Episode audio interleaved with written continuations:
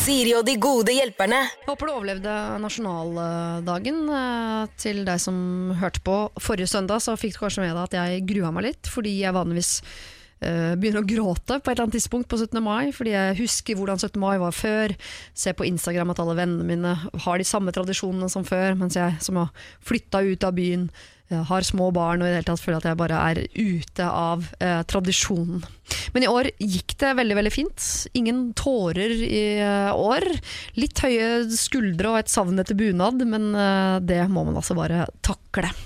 Nå er det kun glede foran meg. Altså Jeg har eh, fest og ferie så langt øyet kan se. I hvert fall sånn litt ferie. Mye fri og mye eh, tid til å bare henge hjemme. Og så hadde jeg planer om å bruke mai til å gå ned de der fem kiloene, vet du. De fem som alle til enhver tid tror at de må gå ned før bikinien skal dras ut av kottet.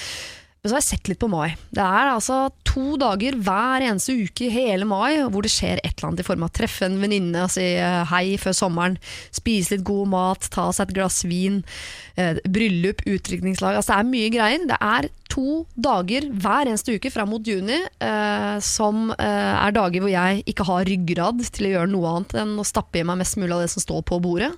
Og så vet jeg at i de dagene etterpå også, så har jeg like mye impulskontroll som en glassmanet. Det vil si at fire dager per uke så er jeg ubrukelig i form av å skulle presse meg inn i en bikini.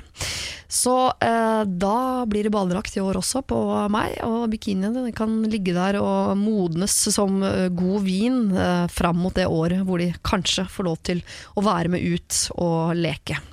Herregud, hva man ikke skal problematisere. Men det er det vi driver med her i Siri og hjelperne. Det er lov å problematisere absolutt alt, fra det minste til det største, er lov å problematisere hos meg. Jeg har forståelse for alt fra sutring til ting som gjør ordentlig, ordentlig vondt. Siri og de gode hjelperne. Søndager fra to på Radio 1. Og nå har jeg fått mine to gode hjelpere ved min side, og det er i dag, fra Morgen på Radio 1, Ken Vasenius Nilsen. Hallo? Hallo. Og fra standup-scenen og snart bokbransjen, Sofie Frøysa. Hallo. Hallo. Du, den boka Du skriver en bok. Ja. Når kommer den? da? Den kommer i august eller helt i starten av september. Kommer det an på deg om du blir ferdig med den eller ikke? Eller? Nei, du, jeg er så godt som ferdig. ja. Mm.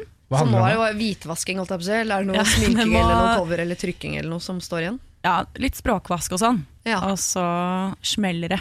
Du, det er en, eh, en bok for unge jenter. En Ja. survival guide for unge jenter. Ja. Ja. Mm, Så du er midt i målgruppen. Ja. ja, det var det jeg tenkte. Det. Jeg har en datter på seks år, er det for tidlig? Eller? Nei da. Nei da. Nei, det starter allerede i barnehagen, vet du. Ja. Ja, Da skal jeg ta og lese den høyt fra henne på senga fra uh, september eller noe. ja bra. Dere, Har dere noen uh, problemer i livet deres? Er det noe jeg kan bistå med før vi skal hjelpe andre? Oi. Mm, jeg skal tenke litt, da. Det, går det, er greit å si at det går greit òg? Jeg har litt problemer med sommeren, bare. Fordi, eller altså, Den har jo kommet nå allerede, selv om det bare er vår. Mm. Fordi jeg blir så forbaska lett solbrent. Ja. eh, og varm og veldig svett. Og framstår liksom egentlig mye feitere, tjukkere enn jeg er når det er sommer. ja, fordi du blir sånn pesete, og folk tenker sånn Ja, det er, ler, er det lov å le? liksom. Ja, det er lov å le. Det er lov å le da. Jeg blir liksom sånn, tør- hele tiden tørker meg i panna og sånn. Ja. og du ser at jeg hele tiden har klamme hender, og det er liksom Um, Og så er det også det at uh, jeg tror sol, det å være mye i sola blir forbundet med å være sunn og sporty. på en måte Ja. Selv om det har vist seg at man får kreft av det og dør, så det er jo ikke så bra egentlig. uh, men det er jo liksom det folk tenker. Så folk ser på meg som en veldig usunn person hele sommeren, og det syns jeg er litt dritt. Ja.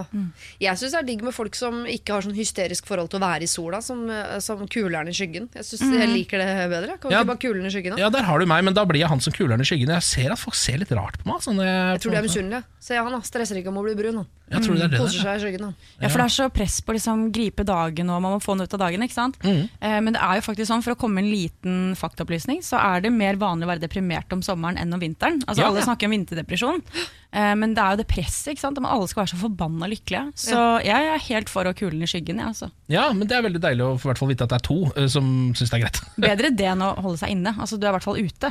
Ja, Så det er ja, bra. Ja. For jeg orker, ikke, orker ikke å bare ligge i sola, da kjeder jeg meg. Eh, og jeg orker ikke å spise i skyggen. Nei, i sola. Jeg orker Ja. ikke å spise i sola, jeg orker ikke å ligge i sola. Men jeg kan godt gjøre noe i sola. Altså typen uh, snekre platting, for eksempel, som er noe av det jeg liker aller best å bedrive tiden min med. Uh, Syns jeg det er greit. Og da merker jeg ikke sola. Da er det bare jævla varmt. Men da tenker jeg sånn, nå, jobb, nå jobbes det. Kan det ikke relatere til den. Men eh, Nei. badminton. Ja, for eksempel badminton, Ja, det er et godt tips. volleyball, Ja. bading. Altså sånt, ting å gjøre. Kanskje det er det du skal gjøre, at du gjør ting. Da er det innafor å være svett. Ja, i hvert fall Sånne ting er veldig bra tips, Fordi jeg har heller ikke så mange sånne solaktiviteter. Det blir stort sett å sitte seg ned og drikke en øl, og det er jo liksom ikke så, man kan ikke gjøre det hele tiden heller. Nei. Jo da. Eh, jo, jo, store deler av tiden kan man gjøre det, men, du- men, eh, men eh, man har jo ikke råd til å sitte ute og- på uteservering hele døgnet. liksom Nei. Kast en frisbee, liksom. da. Ja, kanskje jeg skal kaste en frisbee. Kast en, ja, Bli rå i frisbee, liksom. Bare legg deg det for, som sånn mål for sommeren. Ja. Ja, På slutten av sommeren nå skal jeg, være en, skal jeg naile frisbeekastinga. Ja, jeg tror kanskje det blir sånn ultimate frisbee. Eh, sånn hvor det er på en måte fotball med frisbee. Eller sånn at det er lag. Eh, ja, mm, det må nok bli det. Ja. Jeg føler vi kler det imaget. Gå for det. er litt Gå for det. college-aktig image, ja. ja. Takk for det.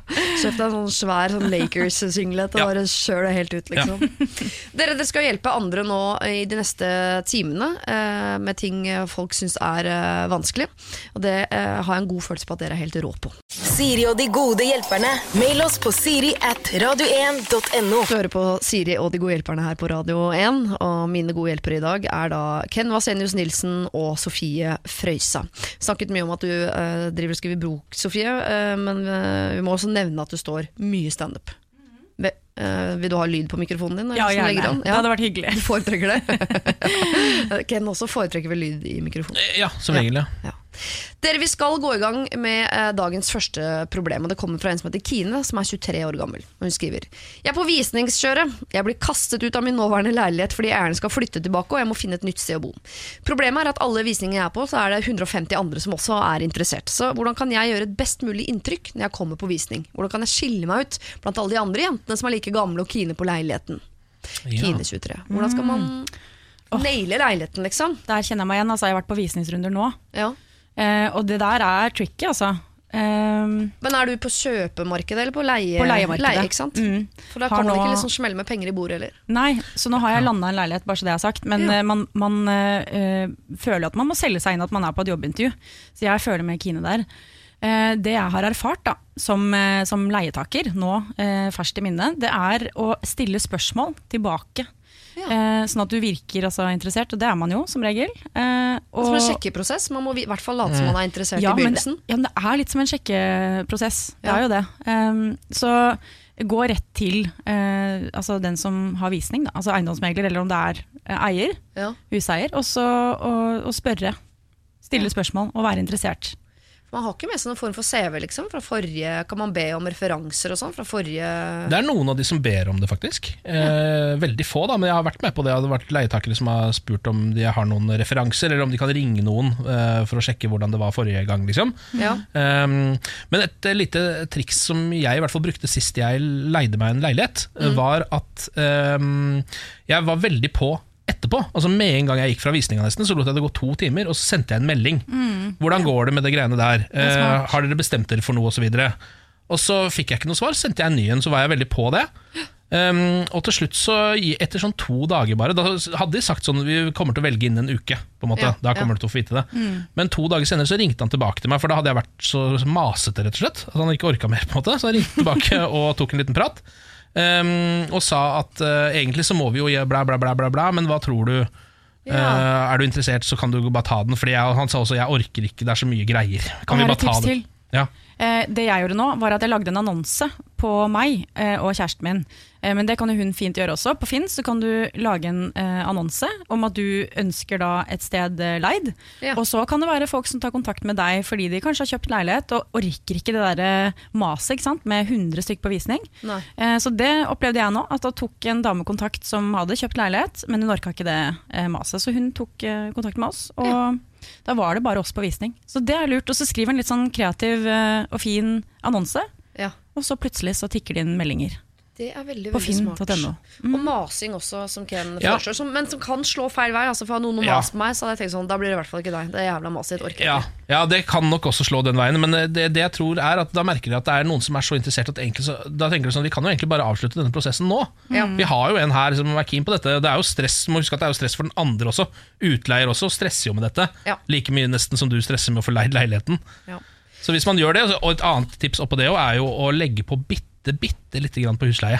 At du sier sånn, du, jeg har så lyst på den leiligheten, at hvis den koster 9000, jeg betaler 9002 i måneden, jeg. Kan jeg få den da? En 200-lapp, ja. Ja, bare 200 lapp i måneden. Da får du den sannsynligvis, altså. ja.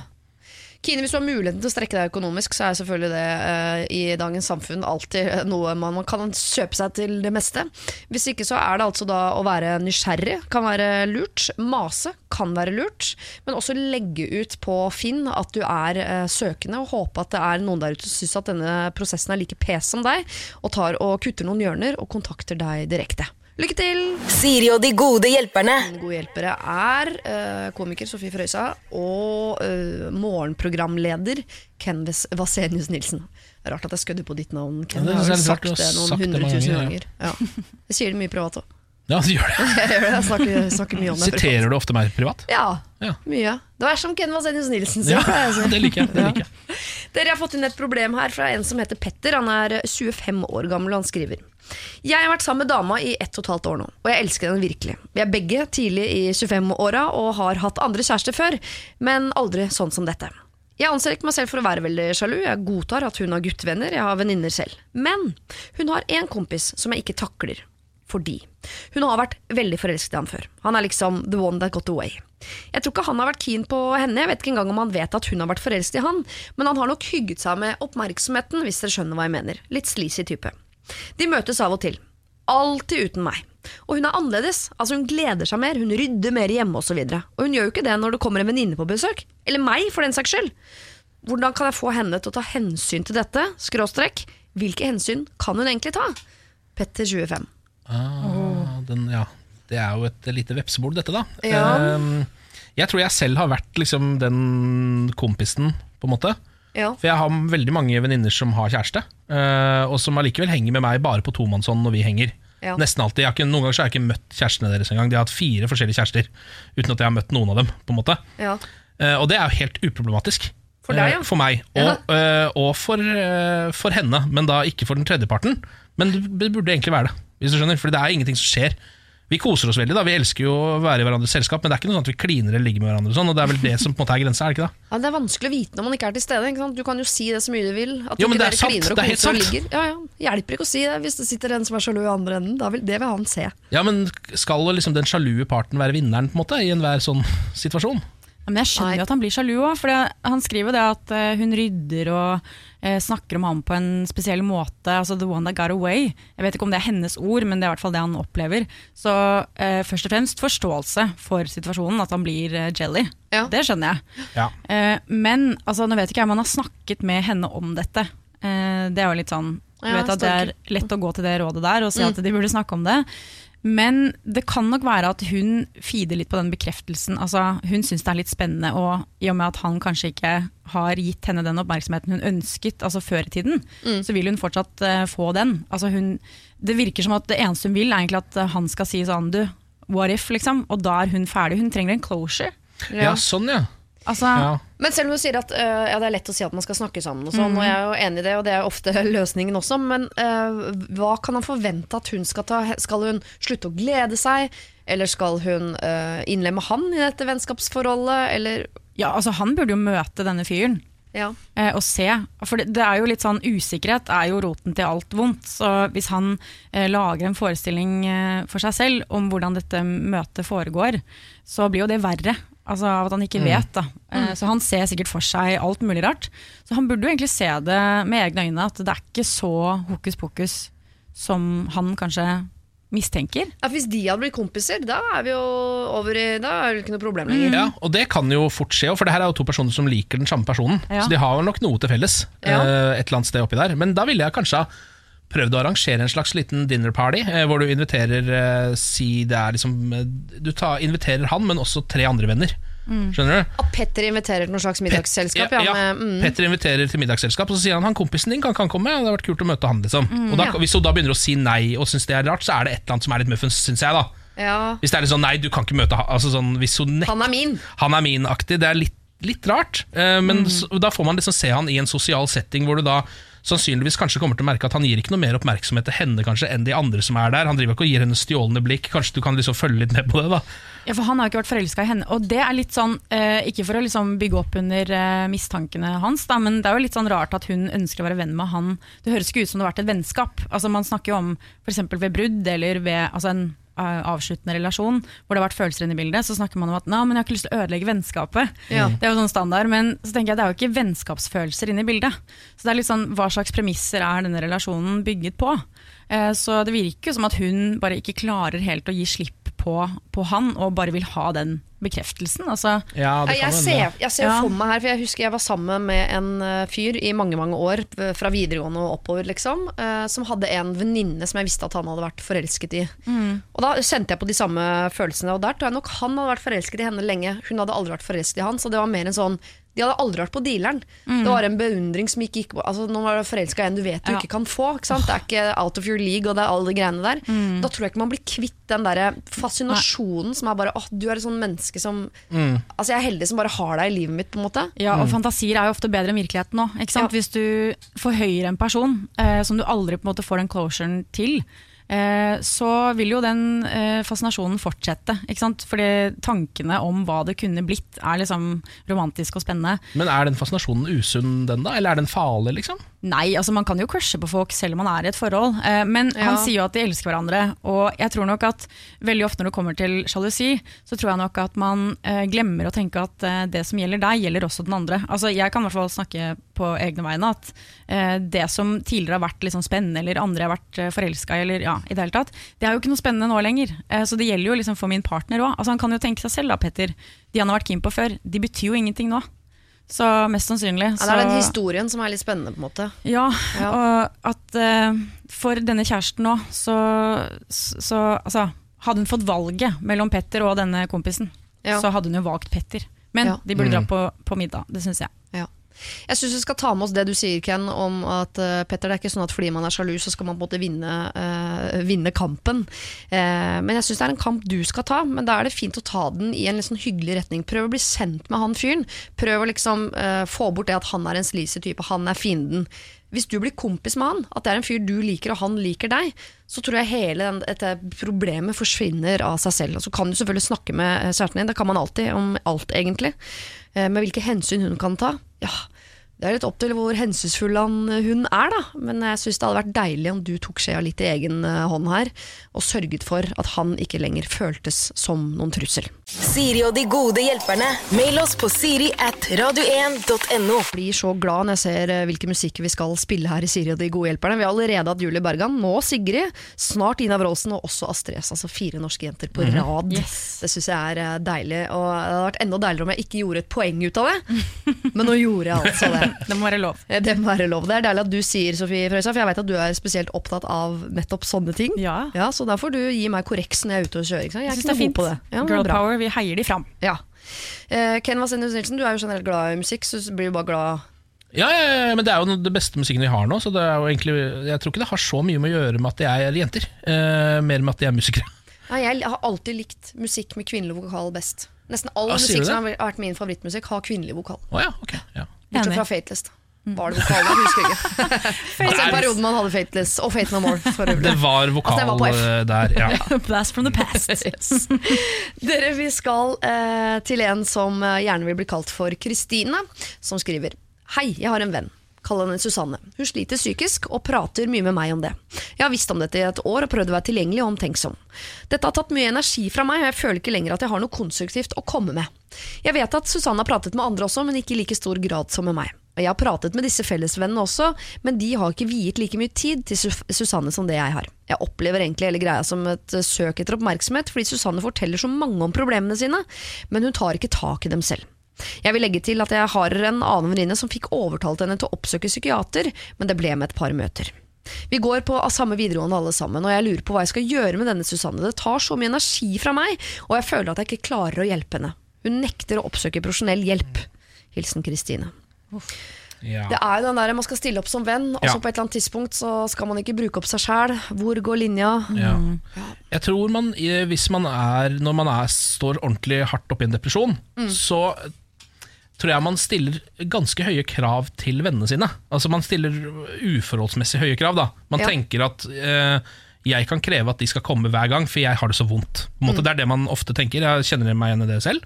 At man er sånn Og så når man på en måte kommer ut av det igjen, så er det først da man forstår hvor stor byrde man har vært på vennene sine. på en måte Ja. og hvor mye man har slitt på de. da Um, og så på et eller annet tidspunkt så tror jeg man må forstå at de kan ikke være der for deg absolutt hele tiden. Og det er ikke fordi de ikke er glad i deg.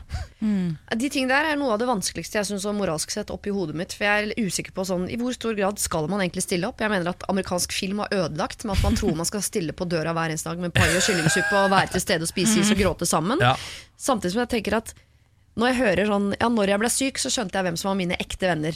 Jeg tror nok jeg er en av de vennene som ofte der faller bort. Ja. Som vil oppfattes som Å ja, nei, hun var ikke inn, eh, inn i dette her 100 nei, for hun sto ikke på døra her med den kyllingsuppa.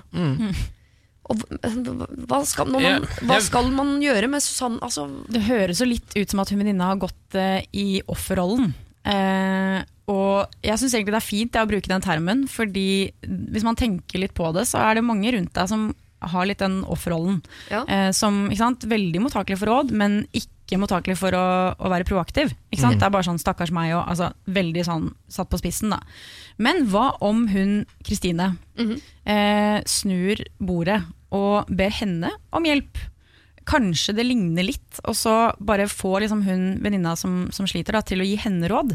Og høre liksom hvor innsiktsfull hun er der. At de, Ja. da Kanskje hun føler at de kan dele byrden litt, at eh, hun kan gi litt tilbake. Og kanskje også forstå at det krever litt å komme Ja. med alle disse rådene og hjelpen hele tiden. Ja. ja, og så er det jo noe med at man hører seg selv gi de samme rådene om og om igjen, og da oppfatter man at nå ber du meg om råd. Men det er jo ikke sånn at du ikke at man er forplikta til å følge de rådene man får. Det er jo ikke du heller som lytter av dette programmet, på noen som helst måte. Men det er jo noe med at det føles litt sånn at man kaster råd ut i lufta. Og hvis ikke vedkommende er interessert i noe annet enn å bare be om det en gang til om en uke, liksom, så virker det litt sånn håpløst, da.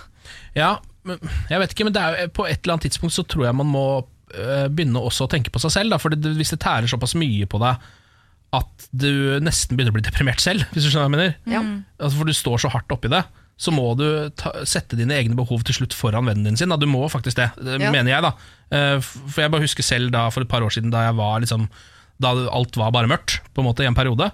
Um, så hadde jeg følelsen at jeg, mist, at jeg hadde mista så mange av vennene mine etter hvert. Fordi Ja. når jeg ringte, så tok de ikke lenger telefon, og da var de lei, da. Da, Ja. vært, da var det nok, liksom. Da var det sånn, nå er det nok fra deg, Ken. Eh, på en måte.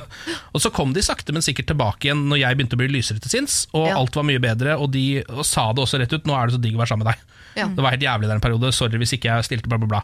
Men liksom, du Det, det er Men ble du men- skuffa over vennen din da som ikke blei med deg helt ned i den kjelleren ja, under den ja, forrige kjelleren? Ja, liksom? underveis i depresjonen så ble jeg jo det. Men Ja. når jeg kom ut av det, så hadde jeg jo veldig stor forståelse for det. Uh, på en måte, så jeg tror man må tenke det at eh, det er lov å ta og trekke seg litt unna uten at du mister den vennen som er deprimert, for det er ikke sikkert du gjør. Fordi når den, hvis da, forhåpentligvis det blir lysere der på et eller annet tidspunkt, Mhm. så kommer de til å skjønne det. Fordi det er den tankegangen du sitter i når du er deppa, den er helt fullstendig destruktiv og rar. Så Mm. den, den ja. Men kan man si stopp til en som er deprimert? Hvis f.eks. Kristina sier til Susanne eh, nå må du ta deg sammen, nå orker jeg det ikke mer. Nå har du bedt om hjelp lenge, jeg har ikke noe mer å gi til deg. Hvis ikke det jeg har sagt til nå hjelper, så, så må du oppsøke profesjonell hjelp eller hjelpe et annet. For jeg har, jeg har ikke noe mer å gi nå. Det er lov. Og så går det an at hun også presiserer det at et vennskap skal jo være gjensidig. Altså Det skal gå toveis, og nå er det jo veldig enveis. Ja. Eh, Så det går fint an å si, og all ære til eh, Kristina om at hun eh, stiller opp og har gjort alt hun kan. Altså Mer kan hun på en måte ikke gjøre. Det er litt som Bjørn Eidsvåg sier. ikke sant? Jeg ser at du er trøtt. Men her ville jeg faktisk, selv om konfrontasjon ofte er Det er jo noe du ofte foreslår, Siri. Du liker å konfrontere med sånne ting. Så her tror jeg Eller jeg liker at andre gjør det, i hvert fall. Jeg er ikke så glad i det du det men- men du liker det som eh, metode. Ja. Så her ville jeg kanskje faktisk ha holdt meg unna det, fordi eh, den personen ser ikke klart. Mm. Så jeg tror nesten det er bedre å bare trekke seg sakte unna, så du, da slipper den å få enda en sånn Nei, nå har jeg mista den vennen, og sa det og det. Mm. Så er det nesten bedre at det ikke kommer, at at det heller kan komme senere. Ja. Her tenker jeg Kristin, at du har eh, gitt alt det du har eh, å gi. Det er klart, Har du noe mer å gå på, så eh, gjør for all del det. Susanne sliter, hun trenger hjelp, men det er ikke sikkert det er du som sitter på den hjelpen. Kanskje du kan igjen prøve å, oppfordre henne til å søke hjelp et annet sted, selv om hun nekter. Og så kan jo du stoppe henne av og til. Spørre om hjelp tilbake, se om hun har noe å gi der. Og så er det jo lov å hinte uten at man skal ta den store konfrontasjonen.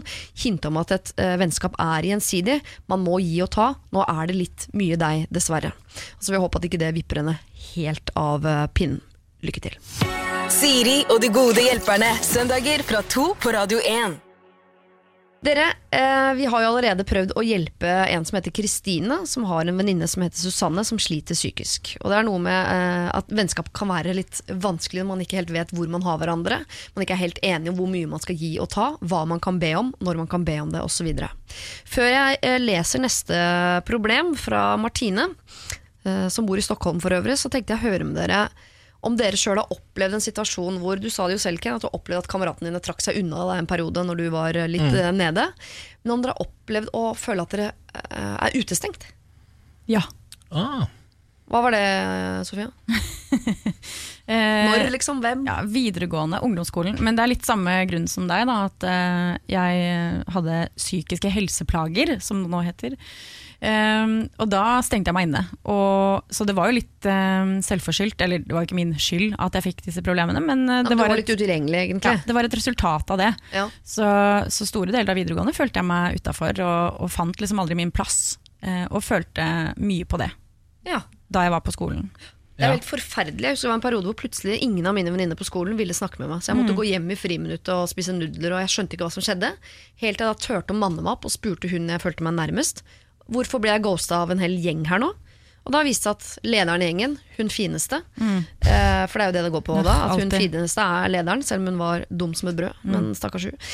Eh, fortsatt sur, merker dere. Sånn det er ja, Ja, 70 bitter. år siden. Da viste det seg at hun var sur på meg fordi jeg hadde sagt at jeg hadde klina med en i klassen. Ja. Og det var ikke sant. Mm. Eh, for han hadde sagt at vi ikke hadde klina. Hadde dere klina? Vi hadde klina. Ja. Og da mente hun at å ljuge om at han hadde klina med han, det var så teit. Så hadde hele vennegjengen trukket seg unna. Mm. Veldig Ja, altså. legitimt grunnlag for å fryse ut noen der. Absolutt. Ja. Vi er ikke venner i dag. Nei, det skjønner jeg. Eh, jeg bærer nog. Jeg er en av de. Du fikk i hvert fall kline, da. Det fikk ikke jeg. Nei, jeg fikk klint, Så nå ble jeg litt bitter faktisk på din bitterhet. Jeg tror du hadde fått klina med han. Altså. Jeg bare Ja, kanskje. Ja. Lurer på det. Fikk ikke kline med noen. Eh, jeg skal lese opp et problem nå som på en måte er eh, Det er litt trist, for dette er et 17. mai-problem, og vi er ferdige med 17. mai, men jeg mener at dette er et større problem enn nødvendigvis 17. mai, for det handler om å føle seg utestengt. Jeg er 24 år og bor i Stockholm. På jobben min er det både nordmenn og svensker. Og da vi er eh, det norske teamet, så har vi fri på 17. mai. Eh, De fleste av oss, eh, som mange andre nordmenn i utlandet, skal gå i tog og feire nasjonaldag i Sjømannskirken. Jeg elsker 17. mai! Jeg har lufta bunad, pussa sølv, sko, strøket, flagg, skjorte. Men så til det som er vanskelig. Tre av fire nordmenn i mitt team er invitert på champagnefrokost med følge. Hos en kollega fra en annen avdeling. Jeg er da nummer fire, altså ikke invitert.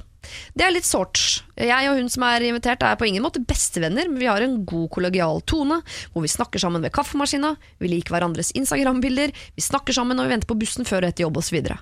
så hva gjør jeg da, da? Jeg vet ikke om hun har utelatt meg med vilje, eller om jeg rett og slett har glemt.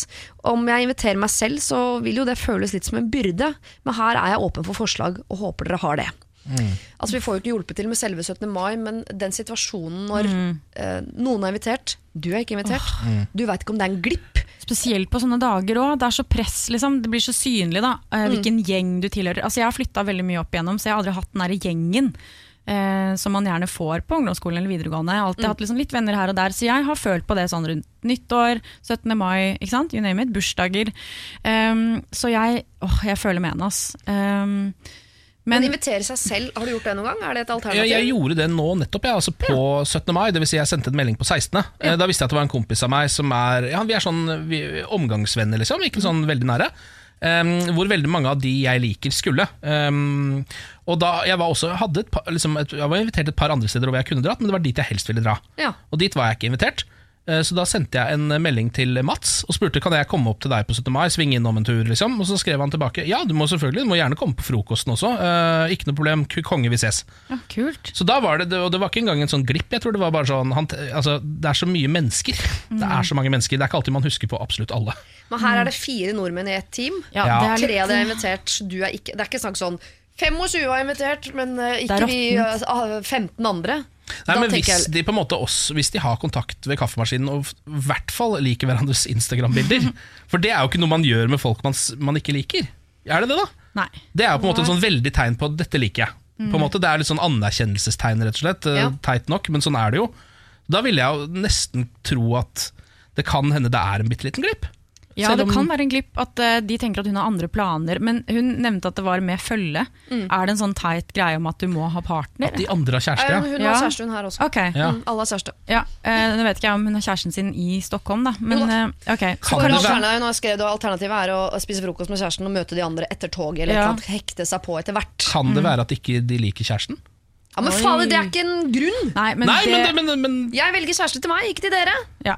Ja, men det, kan- men det, men det kan på fortsatt, deg, altså, nei, men det kan fortsatt være en grunn. Mine og Det kan fortsatt være at de har hengt med han før, og han var helt jærskelig. Så de Nei bare da. ikke inviterer henne, for da kommer han. Nei, men det utelukker Ja. vi. Altså, eh, fordelen er at de fleste nordmenn er eh, superkonfliktsky. Det er de sikkert også i utlandet. Eh, så jeg tenker at hvis hun inviterer seg selv på en, en fin måte bare, altså, bare sånn 'Å ja, så hyggelig at dere skal uh, spise frokost'. Er det Altså, kan jeg joine der? Altså, det høres jo lett ut når man sier det sånn. Ja, men for man Kan kan, vi, ikke si tenke, vi passiv kan tenke litt på det. Ja. Vi tenker litt på det, Jeg spiller litt musikk. Ja. så, før vi går til de klassiske sånn, uh, rådene som vi aldri i verden ville fulgt selv. Som for Ja. eksempel, selv om du har gjort det, da, Ken. Ja, ja, ja. Invitere seg selv. Det er så lett å si, så vanskelig å gjennomføre. Siri og de gode hjelperne. Mail oss på siri at radio1.no. Uh, Ken Sofia og jeg er uh, midt i et eh, problem som eh, på mange måter er et 17. mai-problem. For vi har en eh, jente her som bor i Stockholm. Hun er norsk.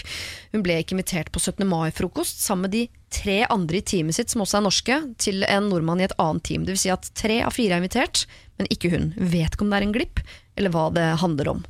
Eh, og det er lett å sitte her og si eh, Kan du ikke bare invitere deg selv? Men det er vanskelig å gjøre i praksis, for det første, for man er så redd for den stoltheten. Eh, tenk om de sier nei, osv. De vil ikke ha meg der. Hvorfor vil de ikke ha meg der? Hva sier de om meg? Osv. Men før vi uh, hopper til en eventuell konklusjon, så, uh, så vil jeg at vi skal se det fra den andre siden. Fordi um, det er jo ofte en grunn også til at man ikke inviterer. Det kan, ha, det kan være noe så banalt som at Sorry, jeg har bare fire klappstoler fra Ikea. Så der gikk grensen, på en måte. Vi har vært innom kanskje ikke de liker kjæresten din. Eh, men det er noe med at hvis Man kan ikke ta alle hensyn bestandig. Hvis det er sånn at hvis jeg skal invitere, så må jeg invitere alle hver gang, så blir det jo til at man ikke inviterer, for det blir for mye folk. Du hadde bare lyst på to på besøk, eller én, eller en rolig kveld, eller noen, Ja. eller ikke sant? Jeg tror det er derfor veldig mange ender opp med sånn uh, Det blir sånn guttegreie eller jentegreie. Skjønner du? Fordi da har man liksom delt det der. Så Det er det, lærte man jo i barnehagen. Ja. Inviter enten alle jentene ja, eller alle. guttene. Ja. Samtidig som i barnehagen så er man så innmari god på å bare uh, gå rett på sak. Bare sånn 'hei, skal vi leke sammen?' Ja. Altså, det er jo noe som skjer når vi blir eldre. Vi får den stoltheten, som du sa. Men som jeg var inne på i stad, så er jo de fleste konfliktsky. Så hvis hun spør på en fin måte, så er sannsynligheten veldig stor for at de uh, kommer til å si ja, fordi de ikke tør å si nei. Det er jo ikke et hyggelig premiss, uh, egentlig. Men, men altså, siden de har en god kontakt, da, hun, altså de på jobb, da, Ja. eh, så tenker jeg at det er jo ikke noe det er jo ikke noe veien for Det virker jo ikke som at de ikke vil ha henne der. Altså Da er det vel noe det du var inne på, at kanskje de bare har tre klappstoler. Men herregud, finn en klappstol til, da. Ja, for det, Det er der er sånn eh, Jeg hadde jo 17. mai selv, eh, grilling eh, hjemme hos meg på Plattingen. Og inviterte liksom da en eh, liten del av den store massen. Og så plutselig viste jeg at broderen og dama også skulle være i den lille byen jeg har flyttet til på 17. mai. Og så merket jeg at jeg ikke inviterte de opp til grilling sammen med mine venner. Nå kjenner ikke de hverandre, men det, var også sånn, det var allerede for mange. Jeg orket ikke to til. Ja. Men så tenkte jeg sånn, å nei, jeg skulle ønske jeg var spansk eller italiensk, eller sånn som er sånn, «Da, ba, ba, ba, ba», og så kommer det sånn, det er plass til 100, men vi kjører på med 200 folk Ja, ja. for å sitte på en stubbe eller en krakk, eller Ja. spikk noe sjæl, liksom. Vi har spagetti nok til alle.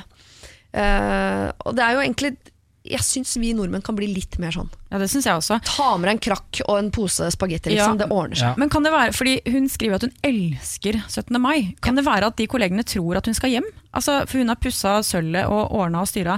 Kan det være at de tenker at hun har jo planer, hun? Altså, hun er jo 17. mai-jenta nummer én. Ja. Så hun har garantert andre planer. Kan det Ja, være det noe kan så enkelt som det? Ja, ja. Eh, kan ikke hun bare spørre liksom, hva skal dere på 17. mai? For hun har jo fått med seg at de skal ha noe. Ja. Eh, og da, ikke sant, når de sier nei, vi skal ha noe hjemme hos oss Eller for å si sånn da, hvis de ikke sier hva de skal gjøre, så ville jeg lagt litt eh, lavt i terrenget. Men det er for sent. 17. mai har jo vært Ja. altså Den 17. mai kommer hun seg ikke på. Men til neste gang, da, når de skal ha lønningspils eller vors eller whatever, Ja. bare vit, liksom, spør litt mer hva skal du, og når de da eh, svarer hva de skal, Mm. så bare «Å, så kult, når starter det, liksom? Da kommer ikke de til å si nei, det vet vi ikke. Altså, da, da inviterer de henne. Og så tenker Jeg altså, jeg liker jo at man istedenfor å sitte på et gjerde, som jeg syns jeg ser mye av, i, mm. spesielt her i Norge, som er det eneste landet jeg har bodd i, så jeg har ikke noen andre referanse enn det, eh, og setter man seg på gjerdet og sutrer og håper at de andre skal ta tak. Tenk sånn, ta tak selv. Hvis du føler at du er litt på utsiden av en gjeng, du vil inn, så ikke sitt og sutre og håpe at de skal invitere. Da inviterer du. Ja. Så kanskje nå, nå ble det ikke 17. mai sammen med de, men da får du invitere på noe sånn eh, Ja. La oss feire juni, folkens! Neste og så inviterer gang. du alle. Og så Ja. er du eh, verdens hyggeligste vertinne på den festen, sånn at folk at Neste år er det ikke noe tvil. Perfekt. Og midtsommer kommer jo snart, så da kan hun eh, Ja. vise at hun er en bedre person. Da inviterer hun dem, og da kommer de til å invitere henne neste gang. Er ikke det en fin ende å begynne i? Jeg Ja, bare sitter her nei, til noen tar tak. Men der da er det, også, er det viktig at ikke du sutrer når du kommer. Absolutt. Skjønner du? Fordi det er noen som er sånn at det er sånn Når du endelig fikk lov å være med og spille fotball, så begynner du bare å snakke sånn Ja, jeg pleier jo aldri å få være med, jeg, for jeg er jo altså, Skjønner du, så blir du han. Ja. eh, Og da får du ikke være med neste gang. Nei, Jeg, hus altså jeg husker så godt det bryllupet hvor alle mine venner var invitert, men jeg kunne komme til kaffen. Ja. Hvor jeg var altså så sur og lei meg i ukevis i forkant og skulle ikke komme. Og jeg var skikkelig Så endte jeg opp med å gå i bryllupet og hadde og bestemte meg for det jeg gikk inn døra. Jeg skal ha det så gøy som jeg aldri har hatt det før. Eh, sprit var en god uh, en god løsning. Og gikk inn og dansa og var happy hele dagen. Det eneste som skjedde, var at brudgommen kom bort til meg og ville ha den derre unnskyld og sorry og sånn. Jeg bare herregud, drit i det! Let's Ja. dance, liksom. At Ja, for man må der ta er den Ja, holdningen. for da tenker de sånn Faen, hvorfor har ikke hun vært her hele dagen? Ikke sant? Du Så- hadde blitt invitert når de skiller seg og skal gifte seg med noen andre, så kommer du til å bli invitert. Garantert. Og det føler jeg meg helt Da blir du sikker på. toastmaster. Mm. Det er Eller brud. Kanskje jeg blir brud. Ja. Antageligvis brud. Ah, Martine, vi skjønner hvordan du har det. Det er ikke noe kult å føle seg utelatt i det hele tatt. Eh, men prøv å ta liksom litt grep. Eh, se om du kan invitere til noe, sånn at du blir en selvfølgelig del av eh, hva enn som måtte komme av invitasjoner herfra og ut, og også 17. mai om Det er faktisk bare et år til. Siri og de gode hjelperne. Tipper det var mye dansing i bunad denne her på 17. mai. En chame la culpa, Louis Fancy og Demi eh, Lovato. Det er, eh, det er flaut i retrospekt å tenke på eh, at man har vært med på, men det var sikkert veldig gøy eh, der og da. Gjorde det ikke selv, men det er utelukkende fordi jeg ikke har bunad. Ja. Um, dere, uh, vi skal over i et bloggunivers. Eh, leser dere eller følger dere noen blogger selv? Eh, Eller har, kanskje, Ikke nå lenger. Men jeg hadde en blogg før i tiden. Ja. Bare for å skryte, så var jeg altså på topplista. Sofsen.com. Sofsen, hva var tematikken eh, Eh, det var eh, krig og fred og sånn. krig og fred og sånn? Jeg ville være en motvekt til rosabloggerne, så jeg hadde palestinaskjerf og skulle redde verden. Ja, har du gitt opp? Bare hyggelig. verden? Nei da. Nei. Bare nå gjør jeg det på andre plattformer. Ja, Ja. Ken, du har ikke hatt blogg? Nei, Nei. jeg har heller ikke lest veldig mye blogg. Nei. Nei. Da kan det hende at dere sympatiserer med bloggfrua her, for hun skriver Kjæresten min leser blogger hele tiden. Han leser alt fra Fotballfrue til Funky Gine og snakker om det han har lest etterpå, støtt og stadig. Det er ikke noe problem det, altså, men ofte så rakker han ned på dem. Han bruker så mye tid på å lese de, og så skal han baksnakke dem etterpå til meg. Jeg syns det er så jævla teit. Så hvordan kan jeg få han til å A. Slutte å lese disse bloggene. To. Slutte å snakke stygt om dem etterpå.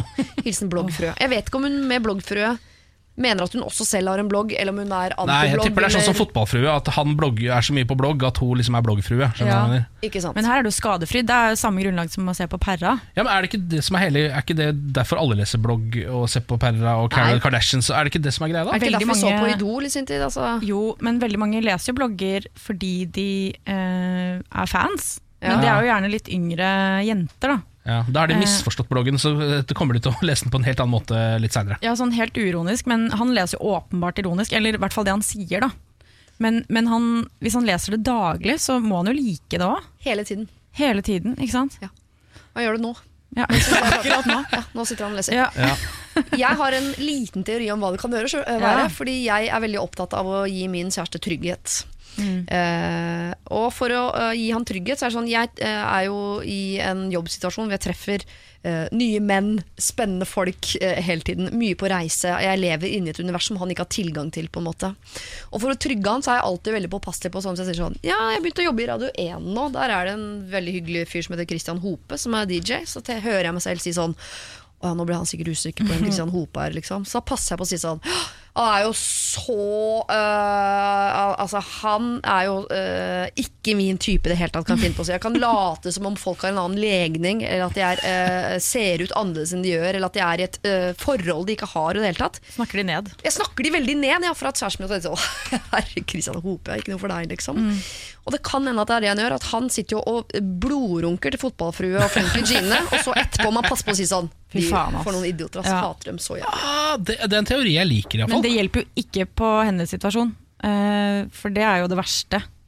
Altså, da er det jo bedre at han disser disse bloggene og eh, leser de ironisk, enn at han egentlig er dritkeen, og så må snakke det ned for å liksom kompensere. Ja, det er Pga. dårlig samvittighet. Så Ja. det, det bare fyrer jo opp under- Ja, da kommer det en ny mail om en uke.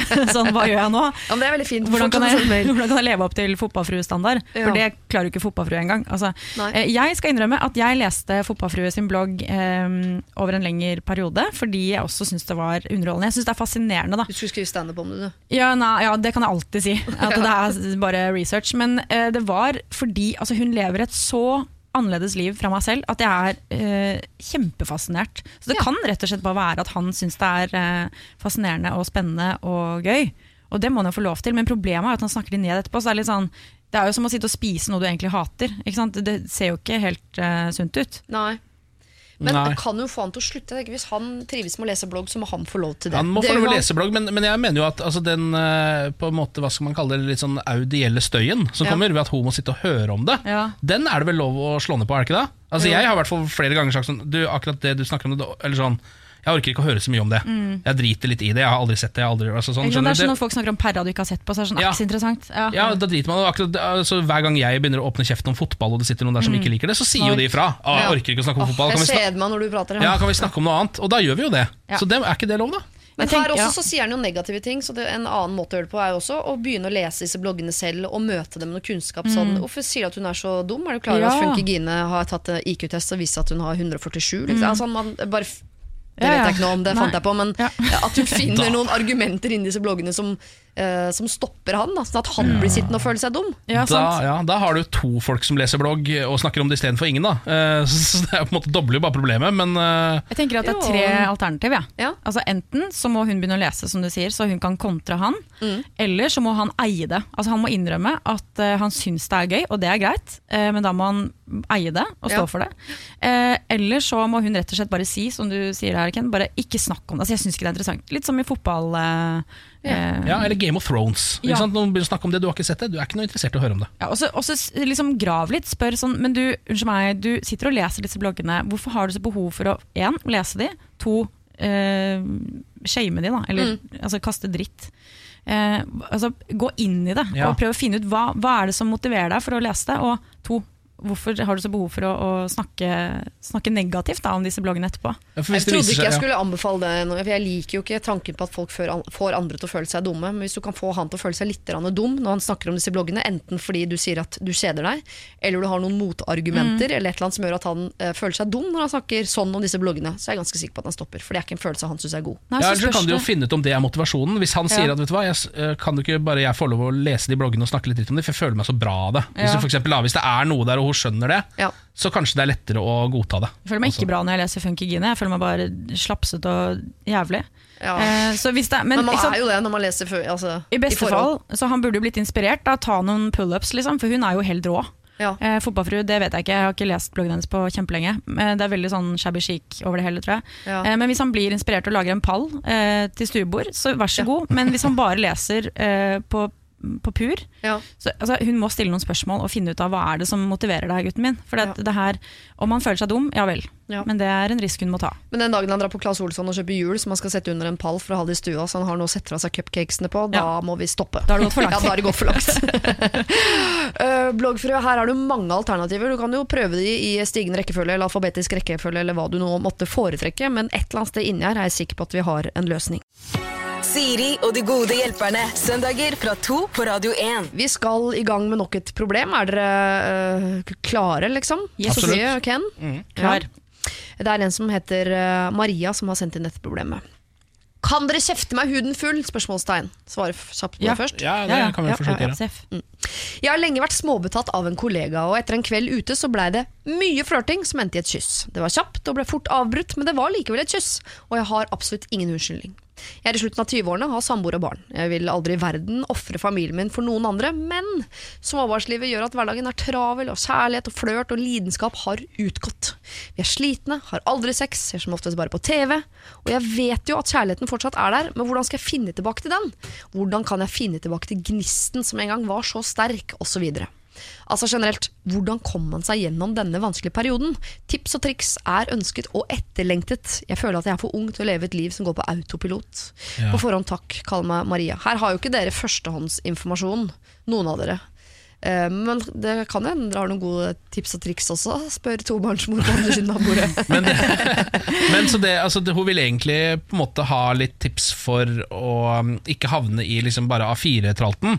Egentlig så er den situasjonen med klininga Den er liksom ikke så Ja, Hun skriver det, og hun har ikke tenkt å si fra om det kysset. Nei, Det var så den dumt, skal vi men hun ser at jeg lever et liv som gjør at uh, dette kan komme til å skje igjen. Ja. Hvis ikke jeg finner gnisten hjemme, så må man skape noen gnister der ute. Mm. Dette er jo uh, 99% av eh, grunnen til at folk er utro Ja. over en lav sko. Jepp. Så hvordan skal man få gnist på Oi, hjemmebane? den er vrien. Jeg vet jo at det er folk eh, som har en sånn regel om at det er lov å kline litt ute. Jeg syns det høres veldig usunt ut, eh, men det, de mener at det er helt konge, Fordi da føler de seg på en måte fortsatt litt sånn lik, føler seg sexy. Som Det de er et sier. åpent forhold. Eh, nei, for det er ikke lov å ligge, men klining er Nei. lov. Altså, det er liksom litt sånn eh, um, Jeg tror det er, er bare fordi at når man får noe anerkjennelse, så skal man ikke slå den rett ned, på en måte. Ja, hvis du skjønner. Vi går For the greater good så er, kan det hende at det er en god løsning, men da skal du være raus Ja, person. da- da er altså, hjemme hos meg hadde det funka særdeles dårlig. Ja, da må du ha to direkte usjalu personer som er i et forhold. Ja. Men Um, vi går ikke ut fra at det her er tilfellet på hjemmebane hos eh, henne. For all del, Marianne, må gjerne spørre. Ja, Ja. Men det, det tar vi ikke utgangspunkt i. Nei. At det er lov å kline ute. Eh, hun vil jo at vi skal kjefte på henne, Mm. så hun skjønner jo selv at eh, dette her er eh, et varsel. Mm. Ikke sant? Nå må hun ta grep. Du dreit deg ut. Det der var dumt. Ja, Ja, var men, men samtidig, det er en oppvekker. Ikke sant? Det er jo da eh, Det sier jo noe om at ok, nå må, jeg, nå må jeg gjøre noe med situasjonen hjemme. Så det er jo sånn sett bra. Hun skal ikke piske seg selv altfor mye så lenge hun gjør noe med det. Altså ok, Dumt at det skjedde, men det, Kan ha vært en katalysator til et bedre liv. Ikke sant. Ja. Så da må jo hun eh, tenke selv på hvordan hun kan overføre dette behovet da, Mm. til mannen. ja. Ikke sant? Eh, For hun har det jo åpenbart i seg. Altså, hun ønsker jo spenning. Hun vet at kjærligheten fortsatt er der. Hvordan skal hun finne tilbake til den gnisten som Hva- en gang var så sterk? Hva gjør du, Siri? Du har vært sammen med din kjære lokfører nå i mange år. Ja. Hvordan spriter spriter opp uh, forholdet? Er det liksom sånn eh, å ta seg en helg uten barna og sånn? Er det sånne ting som funker? Ja.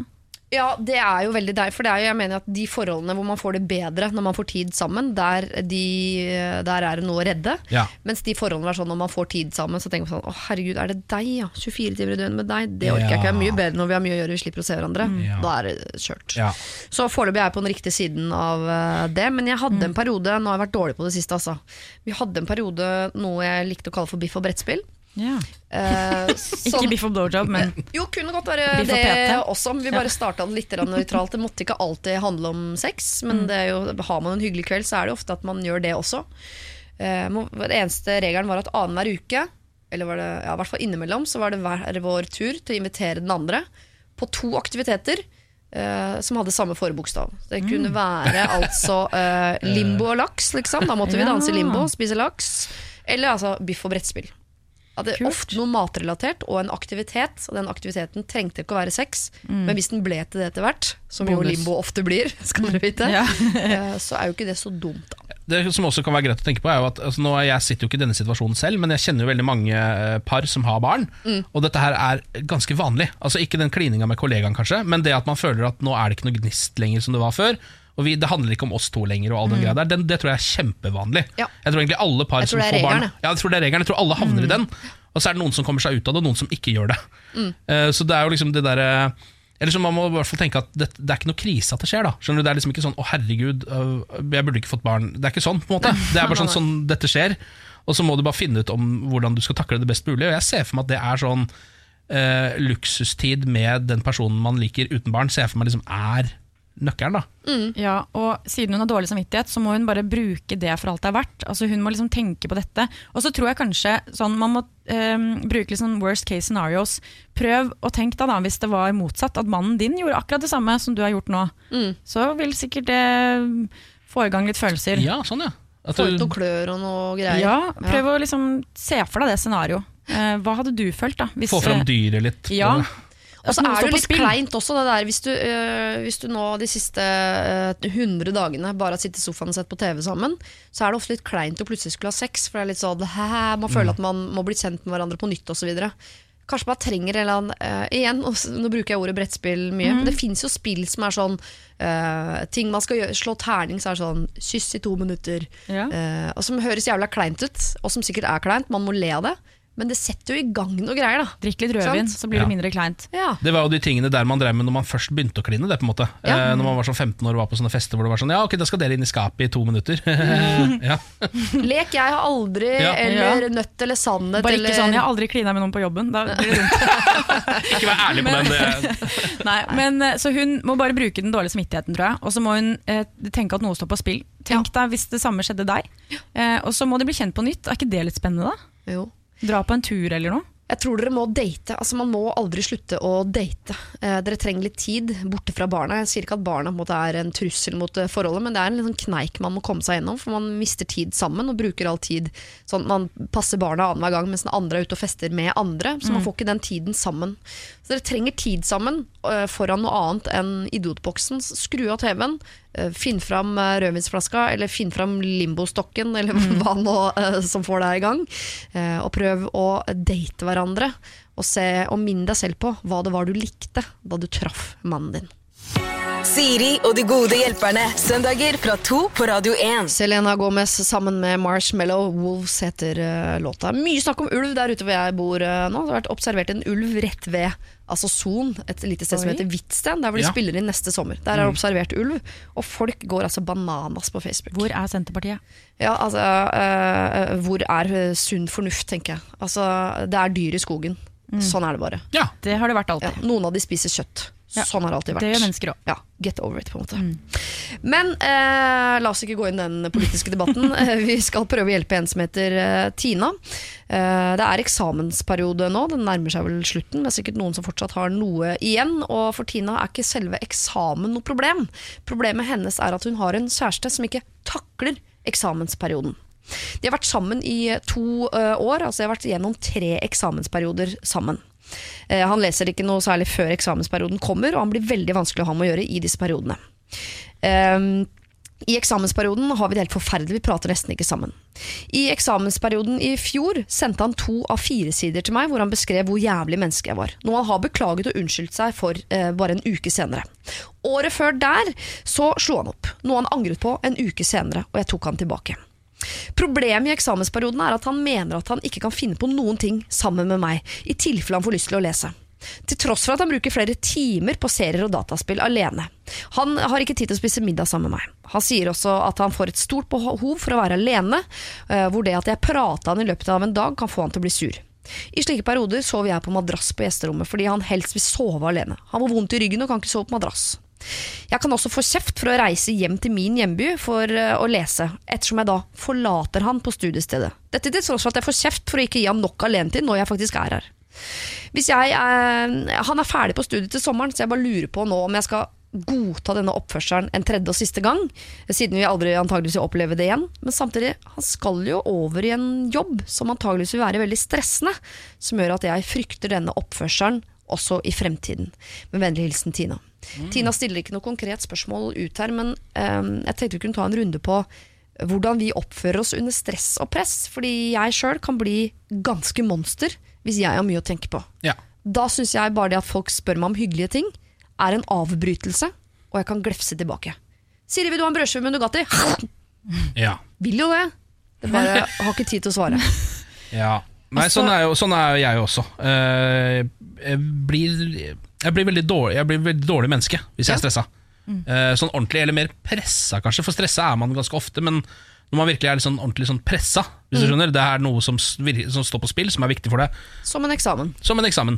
eh, kan jeg bli ganske vond å ha med å gjøre. Eh, så det kjenner jeg meg igjen i. Men så vond at jeg liksom hadde slått opp med kjæresten min og sendt henne to av fire sider om hvor jævlig hun var. Det, så ille tror jeg kanskje ikke det er. Altså. Jeg håper jo ikke at det er så Nei, men- mange av dem. Da. men- Tenk at han har klart å skrive to av fire sider om det. Altså, da må han jo eh, skrive dritmye på eksamen, tenker jeg. Han har det i seg. Så det er liksom hun må bare overføre det skrivebehovet til der hvor det trengs. Da. Ja. Eh, så det er jo litt eh, merkelig.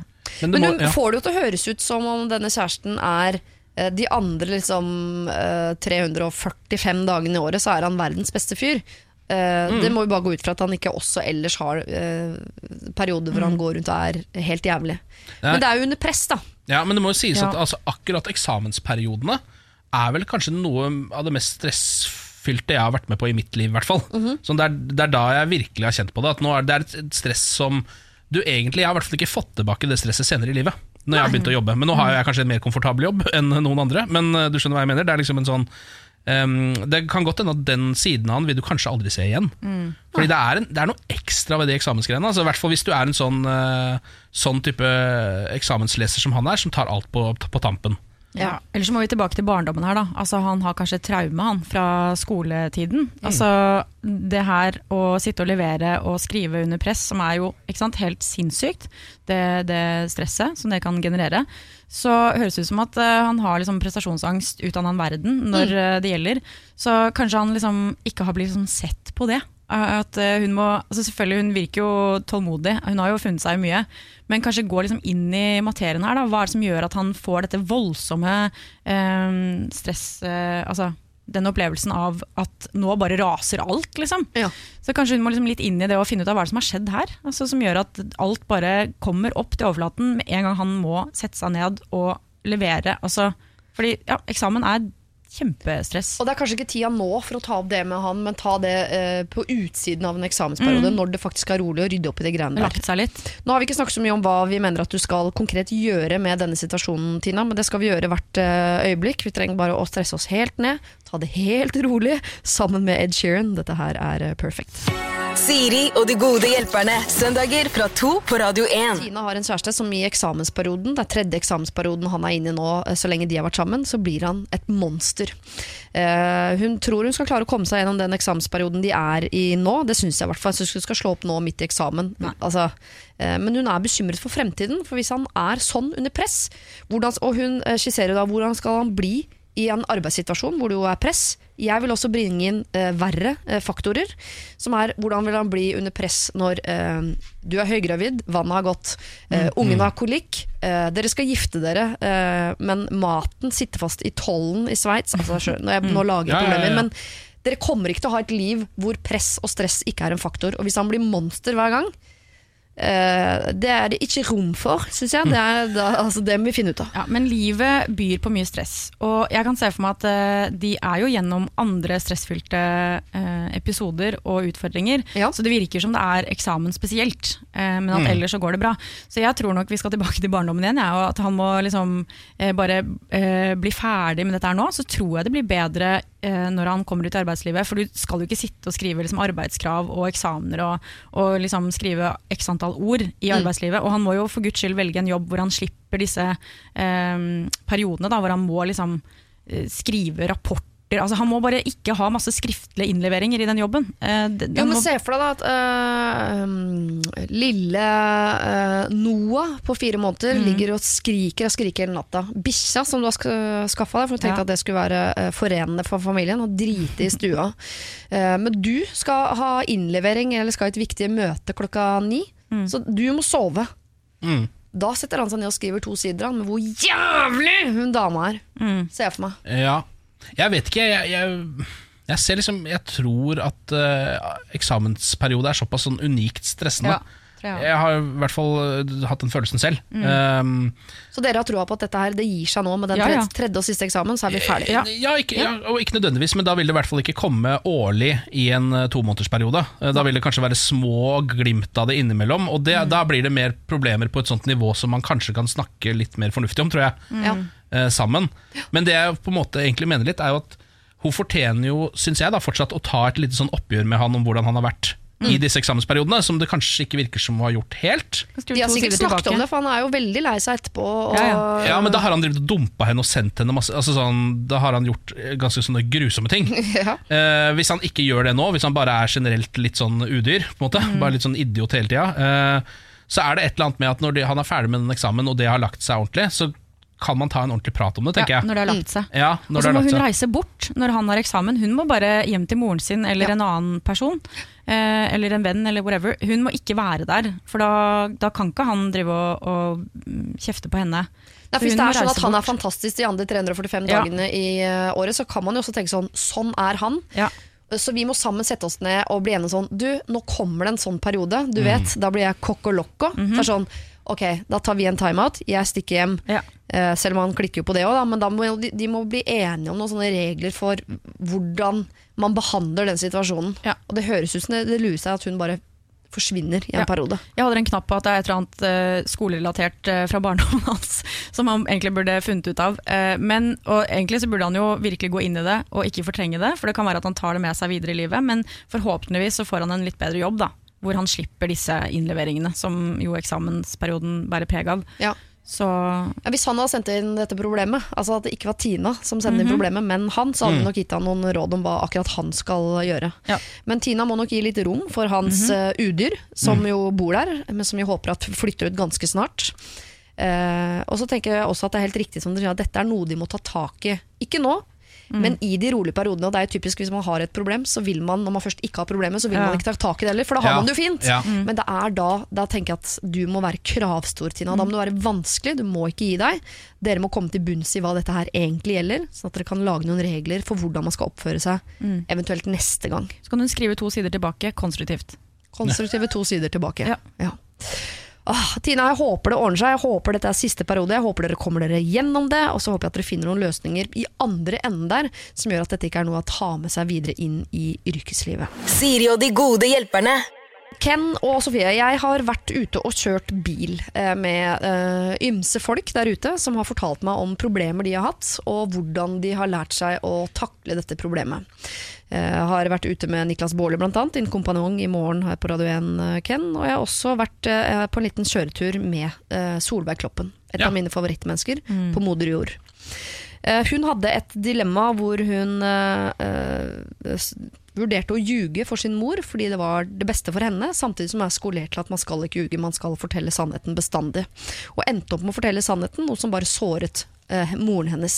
Og var helt unødvendig, men som på en måte eh, Solveig fikk på en måte gjort det som var moralsk riktig for henne, eh, der hvor hun egentlig kanskje burde tatt mer hensyn til eh, mottaker av beskjeden, enn Ja. bare det at det er deilig å få levert den. Og da tenkte jeg bare, jeg vet at dette er litt sånn svulstig, men spørsmålet mitt til dere er, skal man, tenker dere at man alltid skal fortelle sannheten? Eh, Jeg prøvde jo det en periode faktisk i livet mitt som et sånt prosjekt som jeg gikk inn i eh, med hud og hår, og holdt på med i kanskje et års tid. Hvor jeg var så ærlig jeg kunne i alle situasjoner, og jeg har slutta med det nå, og det er en grunn til det. Um, det er ikke all sannhet som eller sånn, det- det blir, mer, det blir faktisk litt egoistisk, selv om man tenker på det som en sånn stor eh, At man er en sånn um, slags frelser for verden fordi man gjør det rette, hvis du skjønner. eh, så er man jo ikke det, fordi den personen som hele tiden får høre sannheten, det er ikke alltid at den sannheten er så deilig å høre. Nei. Og det er ikke alltid den er viktig å fortelle heller. Og det er de avveiningene man må ta. da Hvis det ikke er noe viktig å fortelle den sannheten, så syns jeg ikke det er, man skal gjøre det. Alltid hvis det kan være sårende for noen. Mm, bare lette på sin egen samvittighet. Ja, for det er jeg, jo du- ja. tenker, ja, jeg tenker at man burde ha som en sånn gyllen grunnregel at uh, ville jeg satt pris på å få vite dette, Mm. eh, så må det være liksom det indre kompasset. Mm. For det er jo mange ting jeg har fått vite som jeg ikke hadde trengt å vite, som egentlig bare gjør vondt verre. At Ja. Jeg hadde vært mye mer lykkelig uviten. Ja. Så jeg Ja. tror det kan være en fin eh, Så rett og slett høre, hva, vil jeg ha hørt denne uh, sannheten, eller også forteller jeg denne sannheten fordi det er digg for meg, eller forteller jeg denne sannheten fordi det er digg for mottaker? mm, Det er viktig informasjon for den å få. Ja. Ja. Ja, Hvis du for eksempel tar noen sånne eksempler som gjelder noe noen har uh, laget, da, eh, musikk eller skrevet noe, eller, og så skal du på en måte evaluere det aktivt fordi du er en kompis eller en venninne av personen, em, så er det ikke sikkert at du trenger å være 100% ærlig. Fordi det, eh, altså sånn Ikke om frisyrer heller. Hva nevner du? Nei, for eksempel frisyrer kan også, heller, trenger du heller ikke å være det om, nødvendigvis. Fordi det, altså det, du vet ikke hva, hva du gjør med den andre personen når du forteller bare sånn 'jeg syns alle låtene dine er dritt'. Det er ikke noe vits å si det. Uh, da er det like greit å si «Ja, det var helt ålreit. Ja. Eh, Kan du godt dra på med det, være såpass raus at du sier det, Uh, og så vil jo den andre personen føle det bedre, kanskje lage bedre musikk i framtiden. Så med andre ord, ærlighet varer ikke alltid lengst. Noen ganger så trenger man ikke å fortelle hele sannheten. Det kan innimellom være lov å ljuge lite grann. Hvis du vil se hva det er Kloppen, eh, Solveig Kloppen altså har ljugd om for, nei, valgt å ikke ljuge om overfor sin eh, mor, så ligger det altså ute på uh, Facebook, Instagram, og i det hele tatt så kan du gå inn der og, og se på det. Så får du også se hvor sjukt rå jeg er til å kjøre bil. Ja, der er, tror jeg du er god. Nei, jeg er altså. ikke så god. Nei, Jeg har ikke hatt lappen så lenge, men jeg ser, jeg ser ut som jeg er helt sånn ok, Ja. uh, vil jeg bare påstå. Siri og de gode hjelperne. Eh, Du sa i stad Sofie, at du elsker å gå på konsert. Mm -hmm. Er du også en Kygo-konsertgjenger, eller blir ikke det konsert nok for deg? Nei. Det er lov å si her på radioen. Altså, det er sikkert konsert nok, eh, men jeg har aldri vært på Kygo-konsert. Kunne godt dratt, men det er ikke han jeg hører på, altså. Nei, Nei. nei men du, hva, du, er du altoppslukende, liksom? Nei, jeg har mine favoritter og verner om dem. Ja. Ja. Du vil ikke nevne noen av dem? Eh, Jeg skal bl.a. på Emilie Nicolas-konsert eh, i november. Kjøpt billett, og så skal jeg på Ja. Beyoncé nå i juni i Kjøben. Ja. Så det er de billettene jeg har liggende så langt i år. Men jeg Queens. bruker- Mest Mhm. mulig Queens. Ja, Ja. eh, absolutt. Um, så jeg favoriserer kvinner. Og mm, Har du en mannlig favorittartist? eh, ja, eh, jeg har jo jeg har så mye favoritter. Kommer ikke på noe, men Gjør du ikke det?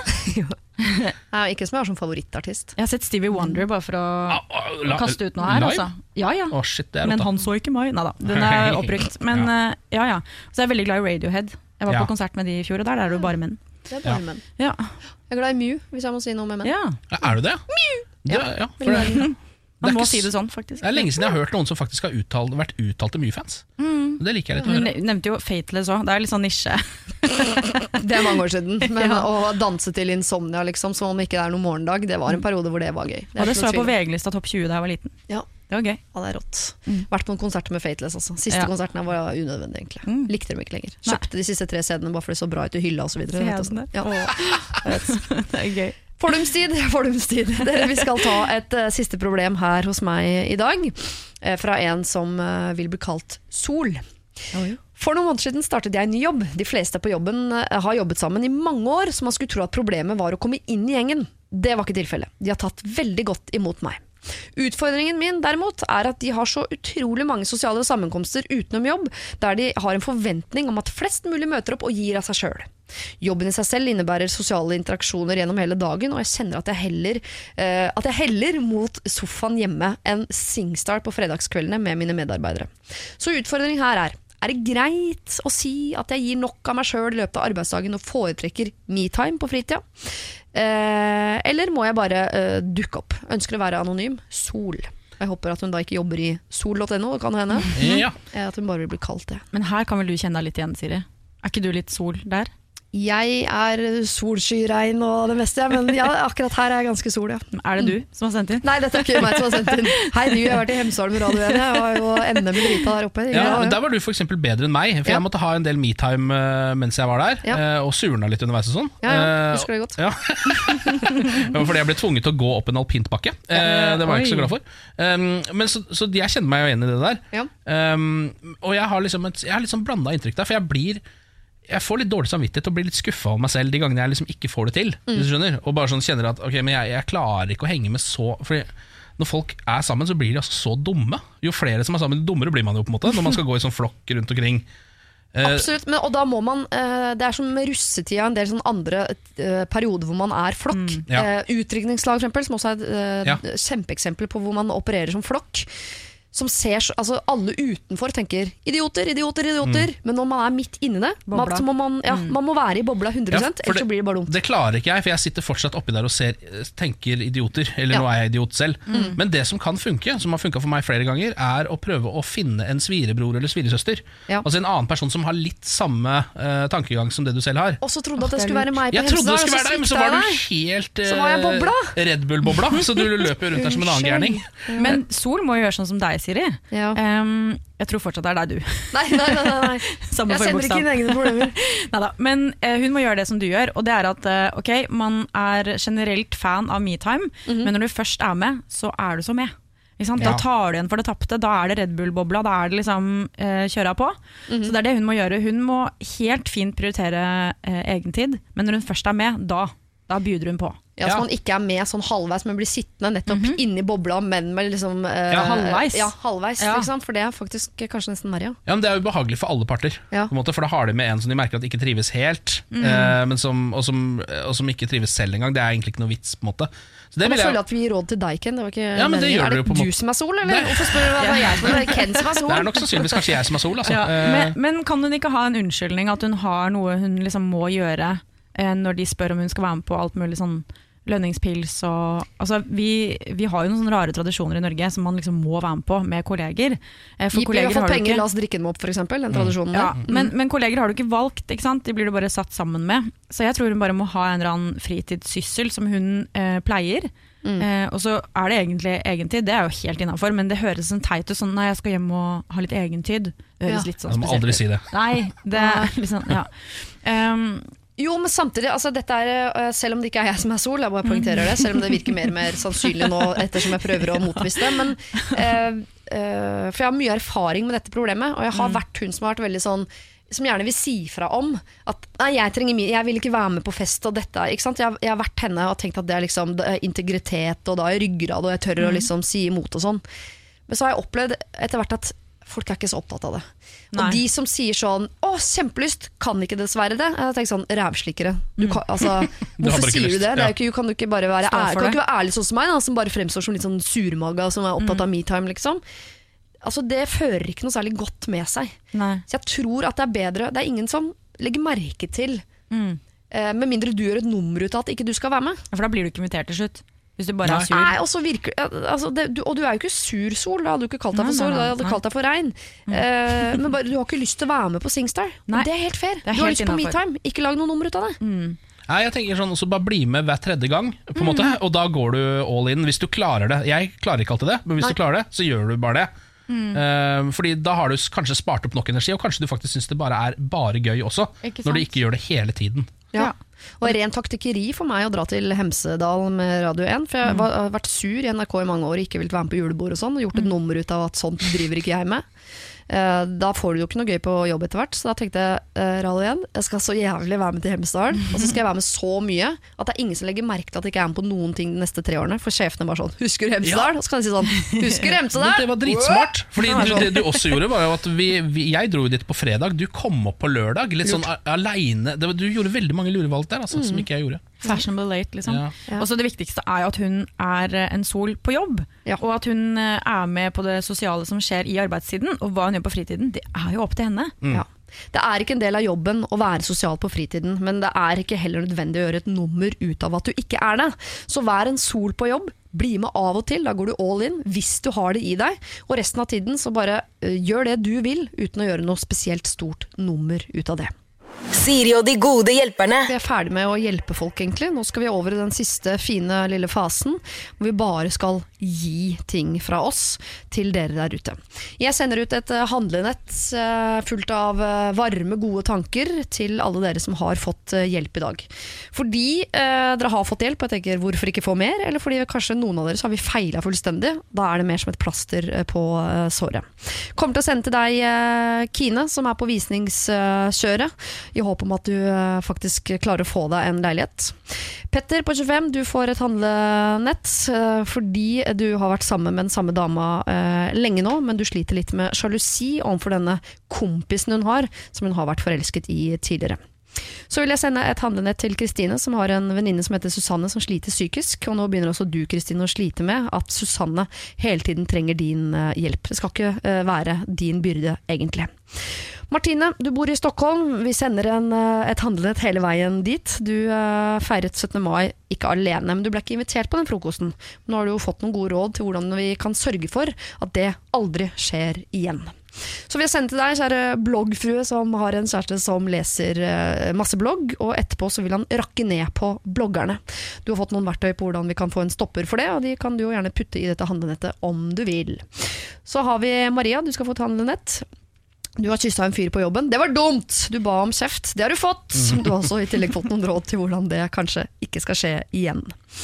Så har vi deg da, Tina, som har en mann som blir eh, monster i eksamensperiode. Og vi frykter jo også at han kan finne på å bli monster i eh, all tid framover hvis han er under press. Vi håper jo ikke det, da. Vi håper at dette, denne perioden er den aller, aller siste. Eh, så har vi Sol, som ikke har lyst til å synge Singstar med folka på jobben, men vi bare har litt i me-time. Det skal du absolutt få lov til. Og du skal også få et handlenett. Ken, hvem vil du sende inn handlenett til i tillegg? Ja, jeg lurer på om jeg har lyst til å fylle et handlenett med eh, rosa kosebamser eh, og kanskje noen CD-er med hvalmusikk. Eh, eller hva- sånn hvalsynging. Så, og jeg elska Hvilke var det DJ Stigma som drev med det på 90-tallet? DJ Stigma hadde noen sånne satt- Ikke Kristian Valen. Ordspill. Eh, og sende det av gårde til eh, en av mine favoritter, Kanye West. Eh, For nå er Kanye i Office Meds, eh, og virker som det, alt er litt skarpt, og det er litt mye, og han sliter litt med diverse. Så jeg tror han kunne trengt å gå inn på et rom fullt av kosebamser og høre litt på hvalmusikk, og holdt på med det i ja, si tre kvarter, da, tror jeg kanskje jeg hadde holdt. Enda mer gæren. Ja, han også sliter litt ned. under eh, press, for å si det sånn. Ja, han uh, sliter litt under press. Men jeg har savna musikk med hvalelyd siden DJ Stigma ga seg. Mm. Uh, Så hvis det kommer en ny, noe ny musikk med Kanye West, hvor han får blanda sin måte å rappe på med noe barnemusikk, så blir jeg et lykkeligere menneske. Det kan jo hende det kommer. Han sampler jo alt han hører. Ja, men jeg ville blanda med spekkhogger og delfin, og sånn, så at man får litt sånn sånn ja. forskjellig sound på det. Men eh, det er bare meg, da. Ja, Kanskje litt kjedelig med bare hval, ja. Ja. For det er veldig forskjellig klang vet, på blåhval og nise, ikke sant. Ja, nå har du nise. Ja, det er mer der, Mm. ja. ja. Kunne fått inn noen seagulls, altså noe måkehan og greier òg. Litt sånn marint miljø rundt han Ja, Kanye, er ikke ja, så dumt. Ja, jeg tror, ikke han, jeg tror ikke han ser havet ofte nok. Nei. Så jeg, jeg tror han kunne trengt å se horisonten litt innimellom. Oi.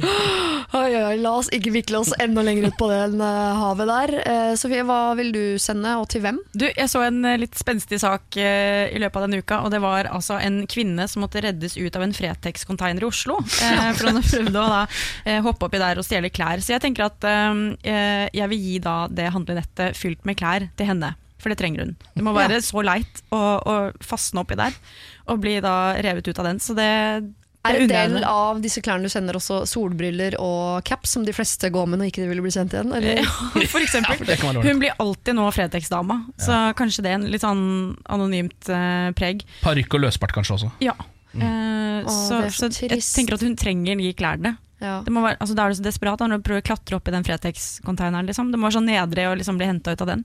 Jeg klatra opp i en sånn container en gang eh, hvor det var sånn lokk på toppen, som Ja. var helt tom. Da, for jeg, treng, jeg måtte tisse, og det var ikke noe sted å skjule seg, så jeg klatra ned i den og tissa nedi den. Ja. Og jeg må innrømme at jeg, had, jeg tror nok jeg edru ikke hadde klart å klatre ut av den igjen, for det var ganske høyt. Mm. Men fordi jeg tenkte det er så flaut å være fanget i en container i sin egen urin, at jeg fikk sånne krefter som man får når babyen din er fanget under en bil, Ja, ja, vet du, for man bare klarer ting man egentlig ikke kan. Så adrenalinet fikk meg ut av min container. Det er sykt, For jeg var så redd for å være hun i avisen som folk ville sende klær til, for det var så synd på. Oi, oi, oi. Man klarer mye mer når man er full. Ja, da blir man altså så strong! Ja, fy søren. Dere, det har vært veldig hyggelig å ha dere her eh, i dag. Dere ville eh, sette av tid på denne, i denne fine sommervarmen til å henge med meg i noen timer og gi gode råd og god hjelp til dere der ute. Eh, til deg som hører på, hvis du har ting du fortsatt ikke har fått eh, løst, så er vi her hver eneste søndag fra klokka to. Så fortsett å sende inn problemer. Siri alfakrøllradio1.no. Ha det, Ken og Sofie. Ha det! Ha det, og takk Ha for meg. det. Siri og de gode hjelperne.